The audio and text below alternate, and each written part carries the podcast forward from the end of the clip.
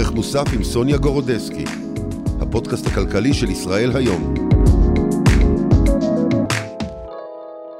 היי, אני סוניה גורודסקי ואתם מאזינים לערך מוסף, הפודקאסט הכלכלי של ישראל היום, והאורח שלי היום אה, הוא פרופסור לכלכלה עומר מואב מאוניברסיטת רייכמן, אוניברסיטת ווריק, ואתה מגיש הפודקאסט אה, עושים חשבון.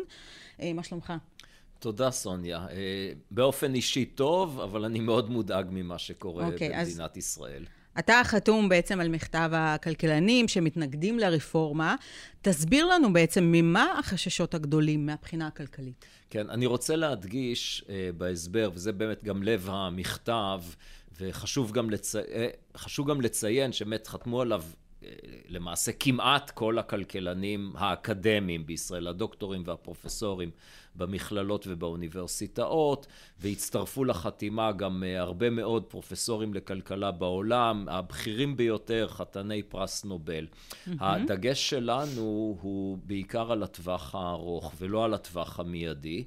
אה, למרות שברגע שהשוק, המשקיעים, מבינים את הסיכון שיש בטווח הארוך, אז אנחנו רואים את זה גם אה, באופן מיידי, הבורסה, שער השקל מול הדולר וכדומה. הנושא המרכזי, כשאנחנו מנסים להבין את שאלת, ה... השאלה המחקרית מאוד חשובה של למה יש פערים כל כך גדולים בתוצר לנפש בין מדינות בעולם, מדינות מאוד עניות, מאוד עשירות, ואחד הגורמים המרכזיים שאין בכלל ויכוח לגביהם במחקר הכלכלי זה הנושא של uh, זכויות קניין. Mm-hmm. כלומר, האם יש לנו ממשלה שיודעת למעשה, uh, או שלטון שקושר לעצמו את הידיים, כן. ועל ידי כך מתחייב לא אה, לעשוק את הציבור. כלומר, למשל, לא להטיל מיסים בדיעבד, אה, לא אה, להחליט שהוא מחרים נכסים, לא להתערב בניהול חברות אה, פרטיות, לא לדרוש מינויים, לא להיות שותף. יש המון דרכים שהשליט, אם יש לו כוח לא מרוסן, יכול להתערב בשוק הפרטי ולפגוע בזכויות הקניין. וזה בעצם מה שמדאיג היום את המשקיעים הזרים וגם את המקומיים, וגורם להם אה, להסטת אה, כספים נכון, לחו"ל שכבר התחילה. נכון, אז מה שאנחנו רואים בטווח הקצר, וזה באמת, אה, מיד רואים את זה על שער החליפין, זה שברגע שמשקיעים מחו"ל, שמזרימים דולרים לישראל, קונים שקלים, כדי להשקיע, אני מדבר על השקעות ריאליות, לא מניות שעוברות מצד, מיד ליד, כי הבעיה הכלכלית היא עצירת השקעות או ירידה בהשקעות. ברגע שאין השקעות במשק הישראלי, אה, נגיד ענף ההייטק שהוא הכי נייד כן. ובקלות עובר ממדינה למדינה, אז יהיה פחות אה, ביקוש לעובדים, השכר יהיה יותר נמוך, התעסוקה תהיה פחות איכותית. ההשקעות במשק זה דבר קריטי. אז. יש לנו מצד אחד את המשקיעים הזרים שמשקיעים עכשיו פחות, עומדים על הגדר, יש על זה הנתונים ברורים לחלוטין, אה, ולכן אנחנו רואים כתוצאה מזה את ההיחלשות של השקל, כן. ומה שפועל באותו הכיוון זה גם ישראלים שנבהלים. ואומרים, רגע, אה, יש לי מניות ישראליות, אולי אני אמכור אותן ואני אקנה מניות בחו"ל. לצורך זה גם, שוב, ממירים שקלים לדולרים, וזה אה, מסביר את הטווח הזה. אבל אני רוצה שנבין משהו. הרפורמה עדיין לא אושרה במלואה ועוד ייקח זמן. אז בעצם, אה, כל מה שאנחנו רואים כרגע, התרחשויות כרגע בשוק ההון, הירידות במניות והיחלשות של השקל, זה בעצם על סמך החששות והציפיות והתחזיות, נכון? זה... בוודאי, בוודאי, okay. אוקיי. אבל, אבל זה דבר מאוד ריאלי. תראי, אם אני אגיד לך, תשמעי, יש סיכוי שהבורסה של מדינה כלשהי אה, תקרוס. בעתיד, אז מיד היום, אם כולם מבינים שהסיכוי הזה קיים, אז יש לנו ציפיות לגבי העתיד, אז ברור שהמחירים מיד נופלים, כמו כל נכס, אין... אה, החשש מהעתיד משפיע על מחירים היום. תראה, אבל אה, חברי הממשלה הבכירים אומרים בעצם, אה, אתמול השר בצלאל סמוטריץ' אמר שהוא לא מזהה קטסטרופה במשק, הוא אמר, אני נפגש עם עשרות כלכלנים, וכואב לי לראות שמנסים לייצר כאן כאוס, אבל אנחנו לא שם. זה מה שהוא אמר אתמול במסיבת העיתונאים. אתה שותף בהם? לא. בדרך כלשהי לעמדה הזאת? בואי, המערכת הפוליטית, ודאי אלו שיש להם אינטרס להעביר את הרפורמה הזאת, ואולי כדאי גם לדבר על האינטרס הזה, אבל מיד אני, כדי להבין עד כמה הטענות שלהם מגוחכות, אני יכול גם להגיד לך יותר מזה. הרי כן. ברור שאנחנו טועים. עובדה שהייתה החלטה. ועדת הכספים של הכנסת קיבלה החלטה, החלטה פורמלית של כנסת ישראל, הרפורמה לא פוגעת בכלכלה. היה דיון בוועדת הכנסת, הופיעו מומחים, אני ביניהם, עוד כמה פרופסורים, כמה אנשים מההייטק, כולם הסבירו כמה הרפורמה הזאת מסוכנת לכלכלת ישראל, אבל בסוף הדיון יושב ראש הוועדה גפני, כן. פשוט אמר, יש לי הצעת החלטה, הרפורמה לא פוגעת, ורוב חברי הקואליציה הביסו את אה, מיעוט חברי האופוזיציה, והוחלט שהכל בסדר. צריך להגיד, אה, דרך אגב, אה, עובדי משרד האוצר לא הגיעו לדיון הזה, נכון? נכון, הם לא הגיעו, וגם לא הייתה סיבה שהם יגיעו. הם הרי יודעים מה אנחנו חושבים, והם בעצמם, אני כן, בטוח מסכימים איתנו. כן, ראינו את הכלכלנית הראשית של משרד נכון, האוצר, בעצם כן מזהירה נכון, מפני נכון, ההשלכות נכון, הכלכליות נכון, של הרפורמה. נכון. כן, אוקיי. לא, זה, את רואה, אפילו את uh, פרופסור אבי שמחון, שמאוד נאמן לנתניהו, כן. עד עכשיו לא שמעתי אותו אומר משהו. מה הוא אומר? נכון, הוא לא אמר כלום. שתיקה אולי יש לה גם משמעות. הוא לא אמר כלום, אוקיי. לא שמעתי לפחות. אה, תראה, גם אה, יריב לוין אמר לכאן 11 שהכלכלה הישראלית חזקה והיא תתגבר גם למרות ה-BDS הפנימי שקורה כאן, עוד פעם, הוא גם חוזר על זה שהכלכלה זה דבר שהוא אה, מבוסס אה, על ציפיות. הם בעצם מנסים להגיד, אה, חברי הממשלה מנסים להגיד שמייצרים, מנסים לייצר פה כאוס, ו... אה, חבר'ה, זה לא כזה נורא אה, מה שיקרה כאן, ואתם בעצם אה, אה, מובילים את הכלכלה הישראלית להרס. תסביר לנו למה בעצם זה לא ככה. כן, אז, אז ראשית, תראי, זה בדיוק, זה קלאסי ממשלת נתניהו והימין על מלא, מה שנקרא. אפס יכולת להתמודד עם הטענות הענייניות, ובמקום זה פשוט אומרים, אנחנו BDS, שמאלנים, בוגדים וכדומה. פשוט, א', זה מקומם, ב', זה מטומטם. הרי בשביל מה אנחנו טורחים?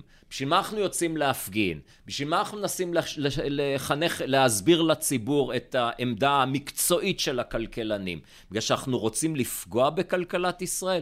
הטענה הזאת פשוט מגוחכת. אני טוען שלהפך, מי שה-BDS, מי שרוצה להרוס את מדינת ישראל, זה בדיוק לוין והחברים שלו. זה, למה? ככה, ככה בא לי להגיד, אבל דעת מה, אני חושב שזה נכון מה שאני אומר. הם מוכנים לפגוע פגיעה קשה מאוד בכלכלה בגלל האינטרסים הצרים שלהם. זה לא על טובת הציבור הכללי. גם יש פה משהו באמת, את יודעת, אנחנו מסבירים בצורה מאוד מפורטת, ואגב, אם לחזור ללוין, כן. אה, אז בטענה שלו, לא רק שהוא לא התמודד עם הטענות, אלא שהוא גם הפליל את עצמו, הוא אמר, המשקיעים, מה אכפת להם מערכת המשפט? כל מה שאכפת להם נכון. זה להרוויח כסף, נכון? נכון. אה, אבל אם לא אכפת להם... לא אכפת להם, להם מי שבוחר את כן. השופטים, אבל בעצם מה שמעניין אותם זה... כל הקריאות אה, למרי אזרחי, כל, אה, בעצם העובדה שכל כך הרבה כלכלנים כן. וראשי ממשלה לשעבר קוראים למרי אזרחי, ואנשי, ואנשים חס, חסרי אחריות שאומרים שהם יוציאו את כן, הכסף. כן, בסדר, לא צריך לחזור על דברי ההבל כן. שלו בפירוט. זה ברור שיש לו אג'נדה פה. אבל אין ספק שיש כאן השפעה באמת, לא, אבל, אבל פה אני רוצה ה... עכשיו להתמודד עם כן. הכלכלה. אם המשקיעים הם אנשים רציונליים שמבינים שאין פה שום בעיה, אז... ישימו את הכסף שלהם. הרי כמו שבועות חיוביות לא יכולות להחזיק לנצח, גם בועה שלילית לא יכולה להחזיק לנצח. אני אפרט את הנקודה, כי היא נורא חשובה. כן. היא טענה שהם כל הזמן חוזרים עליה, והיא פשוט טענה שלא מחזיקה מים. הרי אם באמת הכלכלה הישראלית באופן בסיסי היא מאוד חזקה, אוקיי, אז באופן אה, זמני אנשים לא משקיעים. ואז נוצרות פה הזדמנויות השקעה, נכון? פתאום אני אוכל לקנות אה, את אותן מניות מצוינות שקודם היו במחיר גבוה, עכשיו במחיר נמוך. פתאום אני כיזם גדול, כמשקיע, יכול לקנות איזה סטארט-אפ במחיר מציאה. יש כסף על השולחן לשיטתו של לוין. אז זה יחזיק מעמד חודש-חודשיים, ובסוף הכל יחזור. אבל זה לא הסיפור. הסיפור האמיתי הוא, כמו שמזהירות אותנו חברות דירוג האשראי, וכלכלני ה-OECD, וכל הגורמים המקצועיים בעולם, קונצנזוס מוחלט בין הכלכלנים, נימוקים רציניים, אני לא סתם אומר איזה סיסמה, כן. אה, יש פה פגיעה בדמוקרטיה ודמוקרטיה חשוב. לא, אני מסביר בדיוק את המנגנון. בואי תראי, ניתן אולי דוגמה, שאני חושב שהיא פשוט מאלפת. כי הנה כבר אנחנו רואים, עצם זה שמערכת המשפט בישראל, הייעוץ המשפטי, נמצא תחת מתקפה, כבר גורם לאוזלת יד ולכוח לא מרוסן של הממשלה. הנה, האם הרעיון ששר ידרוש מגוף פרטי לפטר את המנכ"ל או את הנשיא, כי אחרת הוא אה, לא ישתף איתם פעולה. האם זה נשמע סביר בדמוקרטיה ליברלית, לא. מתוך נקמנות אישית? והנה שר כן. התיירות, חיים כץ, דרש שיפטרו את נשיא אה, ארגון המלונות, את אבי ניסנקורן, כן. והנה זה קרה. טוב, אומרים שהיה להם שם איזשהו סיפור אה, מלפני כמה שנים, אה, ופשוט לא מסתדרים אחד עם השני. מה זה לא מסתדרים? אבי ניסנקורן הצביע נגד חיים, נגד הסרת, ה... בעד הסרת החסינות של חיים כץ. כן. וחיים כץ נוקם בו. נוקם בו, זה כן. פשוט, ו- וזה ההתחלה, איפה אנחנו, האם בעתיד, כשהממשלה נניח תעשה מכרז תפור, ומישהו, את תיגשי למכרז ותביני שהפסדת כי המכרז היה תפור. מי יגן עלייך? לא יהיה בית משפט שיוכל כן. להגן עלייך. ותגיד, אם תושג פשרה, אה, לא תהיה באמת אה, איזושהי דרך חזרה גם אה, של התחזקות השקל חזרה, ושוק המניות שלנו לא יעלה חזרה? לא, בוודאי, אם אתה... תושג פשרה סבירה. זה לא שלא אני... כן. ולא אף אחד מהכלכלנים שחתום על המכתב הזה לא חושבים שאסור לעשות תיקונים במערכת. יש מה לתקן. כל מערכת ציבורית, מערכת הדמוקרטיה, כל דמוקרטיה בעולם בנויה על מערכות מאוד רגישות של בלמים ואיזונים. מי שחושב שדמוקרטיה זה דיקטטורה של הרוב, שיהיה בריא. אבל דיקטטורה של הרוב, גם אם מישהו יגיד, כן. זו דמוקרטיה, זה משהו שרע לצמיחה הכלכלית, רע לרווחה. אז יש מה לתקן, אבל הם לא באים לתקן, הם באים להרוס. אה, וגם לא קיבלנו, את יודעת מה השאלה הכי חשובה? למה? מה עומד מאחורי כל זה? כן? מה? למשל, נתניהו, מה הוא אמר? העודף המשפטיזציה מפריע לי לקדם מהלכים כלכליים לטובת הציבור. בואי נבחן את הטענה הזאת. אני טוען שהטענה הזאת... נראה לי שהוא מתכוון יותר לעודף רגולציה, אבל כן, אני, גם אני שמעתי את המונח רגול... החדש, נכון, משפטיזציה. נכון, רגולציה הוא יכול להסיר. כן. אבל הוא אה. בעצם אומר שהכוח של בית המשפט, של היועצים המשפטיים, לא מאפשר לו לטפל בעודף הרגולציה וכדומה. אבל הנה הייתה פה, נתניהו היה ראש ממשלה עשור עד uh, הממשלת בנט-לפיד. Uh, מה הוא עשה למען הכלכלה? האם הוא צמצם את הרגולציה? עשה איזה שהם מהלכים מהותיים? לא עשה כמעט שום דבר. באה ממשלת בנט-לפיד ועשתה תוך שנה דברים שלא נעשו בממשלת נתניהו עשר שנים. האם הם לצורך זה ריסקו את מערכת המשפט? האם עודף המשפטיזציה הפריע להם? התשובה כנראה לא, כי עובדה שהם הצליחו. טוב, מדובר בממשלה חדשה, אתה יודע, רק חודשיים, בואו ננסה לא, לא, לתת להם מדבר, קרדיט. אבל אני מדבר על העבר, כן, אני מדבר על העבר, כן. אני מר, מראה לך בצורה מאוד ברורה. שהטענה שעודף משפטיזציה זה החסם, היא טענה מקושקשת. הרי אנחנו מכירים את האג'נדה של נתניהו, לא משנה אם אני, אם אני מסכים או לא מסכים עם מה שנתניהו אומר, לא כן. מה שהוא עושה. אני במקרה מסכים. אני חושב שכן, שמוטב, שזוכרים הדימוי שלו, השמן על הרזה. זה נכון. תמיד הדבר שהוא מקטר עליו, שהממשלה כל כך שמנה וגדולה. האם בית המשפט הפריע לנתניהו אי פעם לקצץ את גודל הממשלה? להפך, בתקופתו הוא רק הרחיב והרחיב, המגזר הציבורי גדל והתנפח. עודף המשפטיזציה לא רלוונטי. אה, מה עוד נתניהו תמיד אומר? מדבר למשל על ארגוני עובדים. על הכוח כן. המופרז. האם עודף המשפטיזציה מנע ממנו לעשות משהו, או שהכוח של ארגוני העובדים והעובדה שיש להם נציגים מאוד חזקים במרכז הליכוד, זה מה שחסם. בקיצור, אפשר לעבור על כל ההצהרות כן. הכלכליות של נתניהו.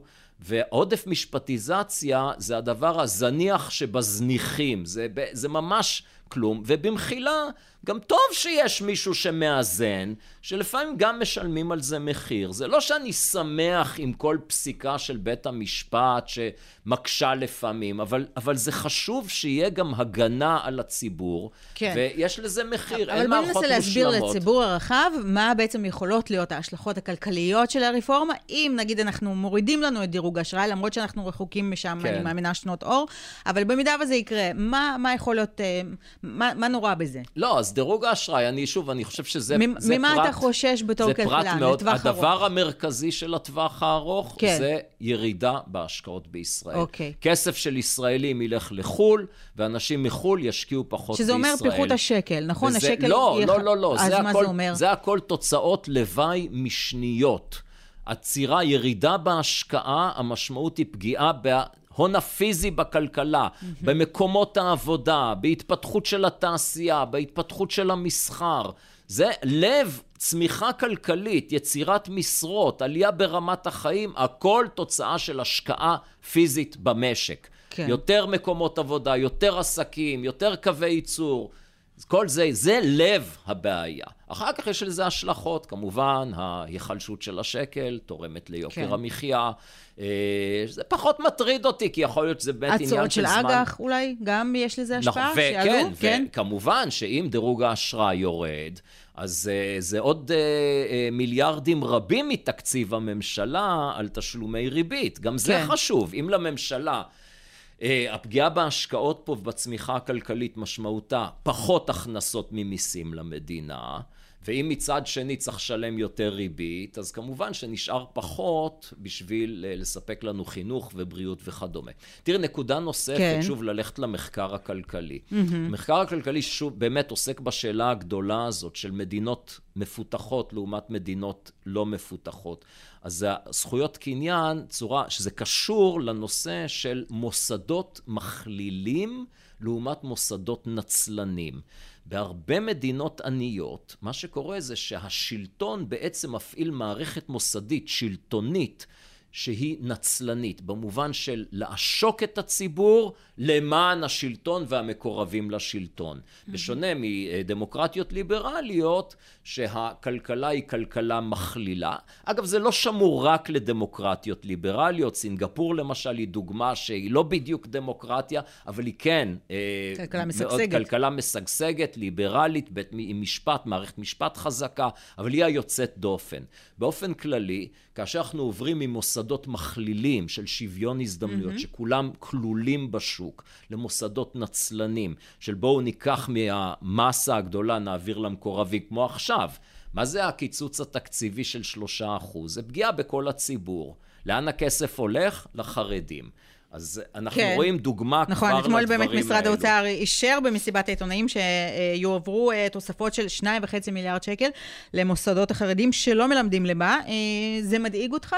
תראי, מה שמדאיג אותי, האלה? הנושא של אה, הטווח הרחוק, ויכול כן. להיות שה... המהפכה השלטונית עכשיו, אולי סוף סוף דווקא תאיר את הציבור, שבמחילה כמו המשל על הצפרדע שמתבשלת על אש קטנה, פה פתאום מרתיחים את המים ואנחנו קופצים.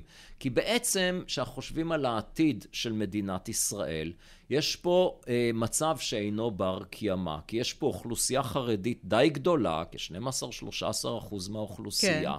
שמביאה לעולם הרבה מאוד ילדים, והיא נטל כלכלי כבד.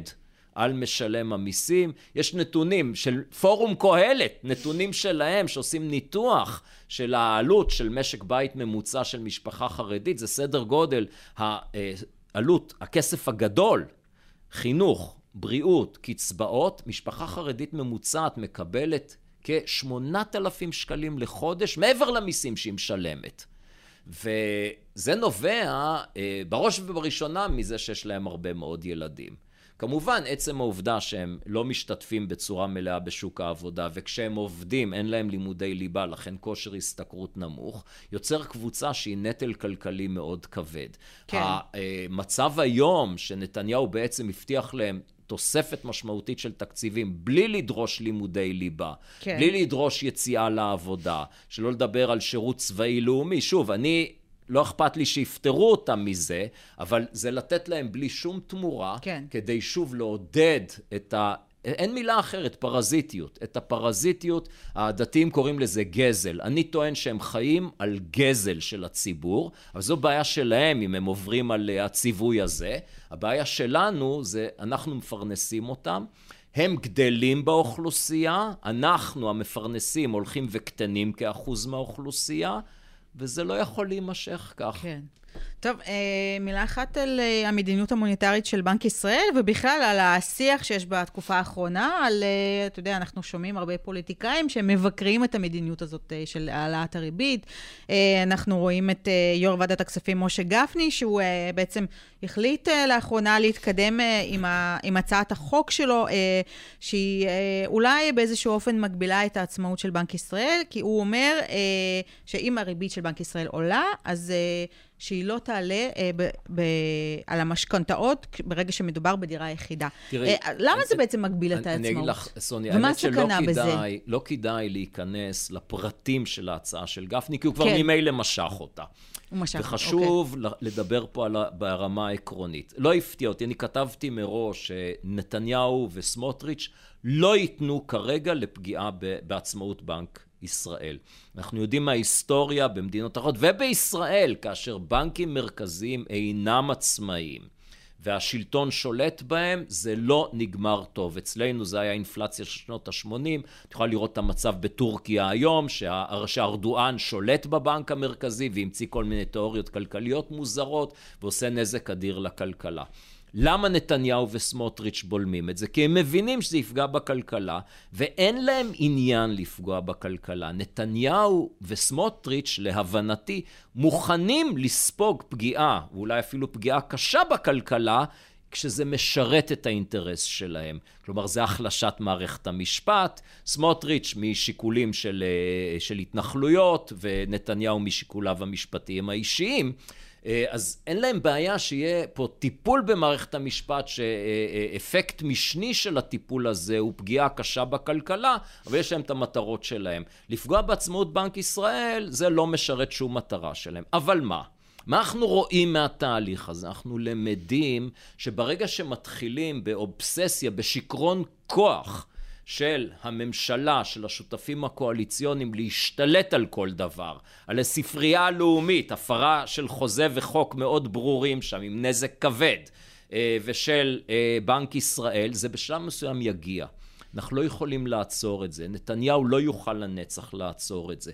ויש פה המון המון איומים על הכלכלה, שזה לא רק הפגיעה בבית המשפט העליון, זה בעצם הפגיעה בכל מוסדות השלטון שיש להם בכוונה, בנו פה שנים על גבי שנים מנגנונים שיפרידו את הפוליטיקה מהניהול השוטף של האקדמיה, של, בית, של אה, בנק ישראל ושל עוד המון המון גופים.